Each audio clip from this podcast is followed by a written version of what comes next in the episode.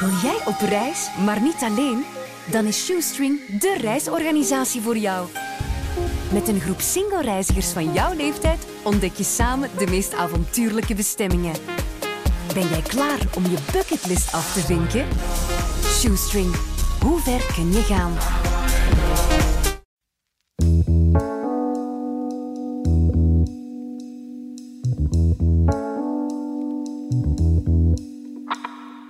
Seks.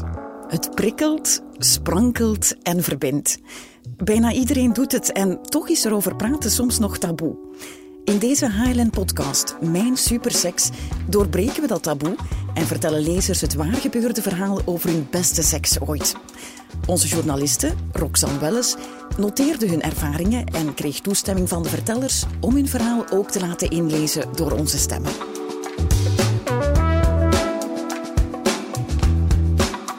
Je hoort het verhaal van Karel, die op zijn zeventiende ontmaagd werd door de moeder van een vriend.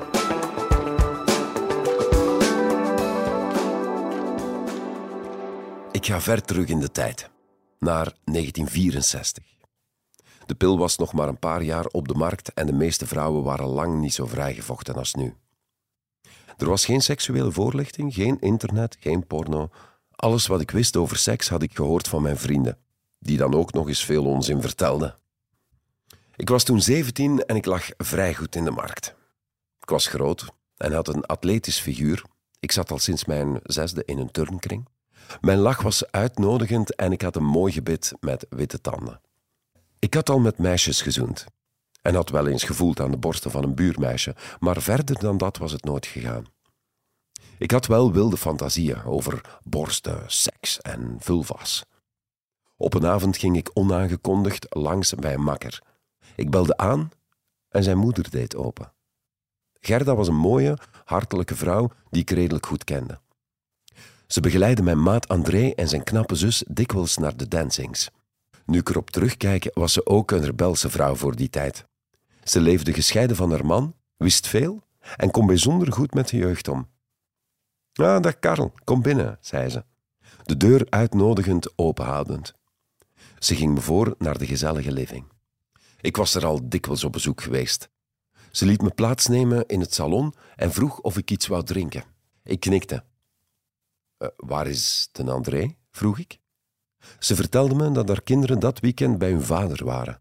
Uit beleefdheid bleef ik maar zitten. Gerda kwam met de drankjes en zette zich in de sofa tegenover mij. We babbelden over van alles en nog wat. Ze schonk nog eens in en zei: Blijf rustig zitten, ik ga snel iets gemakkelijkers aantrekken. Ze ging naar haar slaapkamer, die een glazen deur had, en liet het licht branden. Ik kon haar vaag zien en keek toe hoe ze haar kleren, ondergoed en nylonkousen uitdeed en een peignoir aantrok. Mijn hormonen begonnen op te spelen. Ik kreeg verdorie een stijve. Als ze dat maar niet opmerkt, dacht ik ongerust. We hervatten ons gesprek, maar ik kon er met mijn gedachten niet meer bij blijven. Ik wilde die vrouw hebben, voor de volle honderd procent. Ik had Gerda nooit op die manier bekeken, maar wat kon ik zeggen? Ik was jong en de hormonen gierden door mijn lijf. De peignoir stond van boven een beetje open, zodat ik een groot deel van haar volle, rijpe borst kon zien. Heel anders dan de zich ontwikkelende borstjes die ik tot dan toe had aangeraakt. Ze zat nonchalant met haar benen over elkaar geslagen en ik had zicht op een blote dij. Hoe ik ook mijn best deed om gewoon te doen, mijn ogen werden er altijd naartoe getrokken mijn erectie spande tegen de rits van mijn jeans. Ik boog voorover met mijn ellebogen op mijn knieën om het te maskeren. Ze moet het opgemerkt hebben. Misschien wilde ze die reactie ook wel. Ik denk dat jij een probleem hebt, niet? vroeg ze met een lachje. Ik voelde mij betrapt en zei niets. Je moet je niet schamen, dat is heel natuurlijk, zei ze. Ik vind het prettig dat een knappe jonge gast gevoelens krijgt door naar mij te kijken. Ze stond op om wat te drinken te pakken voor mijn droge keel. Ik keek erna. Ze had een mooi figuur, molliger en voller dan de tienermeisjes, maar dat liet haar rondingen mooi en vrouwelijk uitkomen. Ik was botergeil en mijn keel was inderdaad kurkdroog. Ze zette de drank op de salontafel en nam plaats naast mij in de driezit. Laten we duidelijk zijn, Karel.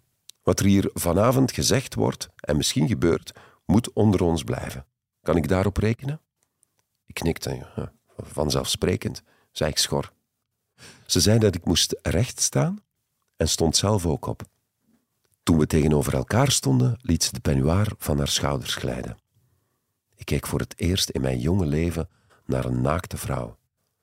Ik keek naar die volle borsten met donkerbruin tepelhof en die tepels die hard en rechtop stonden, naar haar buik die lichtjes opbolde en daaronder die geheimzinnige driehoek met een schat verborgen onder een kort geschoren pelsje. Ik trok haar tegen me aan en besefte opeens dat ze een half hoofd kleiner was dan ik. We kusten intens. Ik voelde haar borsten tegen mijn lichaam en haar onderbuik drukte tegen de bult die mijn erectie gevangen hield. Ze trok mijn shirt over mijn hoofd en gespte mijn riem los. Ik trok zelf mijn rits open en stroopte mijn jeans naar beneden. We verstrengelden in een nieuwe omhelzing. Ik was alle controle kwijt. Ik liet mijn handen over haar lichaam glijden, zoog aan haar tepel. Zij streelde zachtjes mijn ballen en greep mijn gezwollen penis beet. Toen gebeurde wat ik vreesde. Ik kwam al klaar. Ze keek naar haar buik waar mijn sperma op zat, pakte mijn gezicht tussen haar twee handen en kuste me lief. Heet een bok, plaagde ze. Bedtijd voor stoute jongens, zei ze dan. Ze pakte mijn hand en nam me mee naar de slaapkamer. Ik kreeg niet genoeg van dat weelderig lichaam. Langzaam kwam de geilheid terug. We gaan een spelletje spelen, zei ze. Jij bent de matroos en ik de kapitein. Jij volgt mijn aanwijzingen. Ze liet me plaatsnemen tussen haar benen.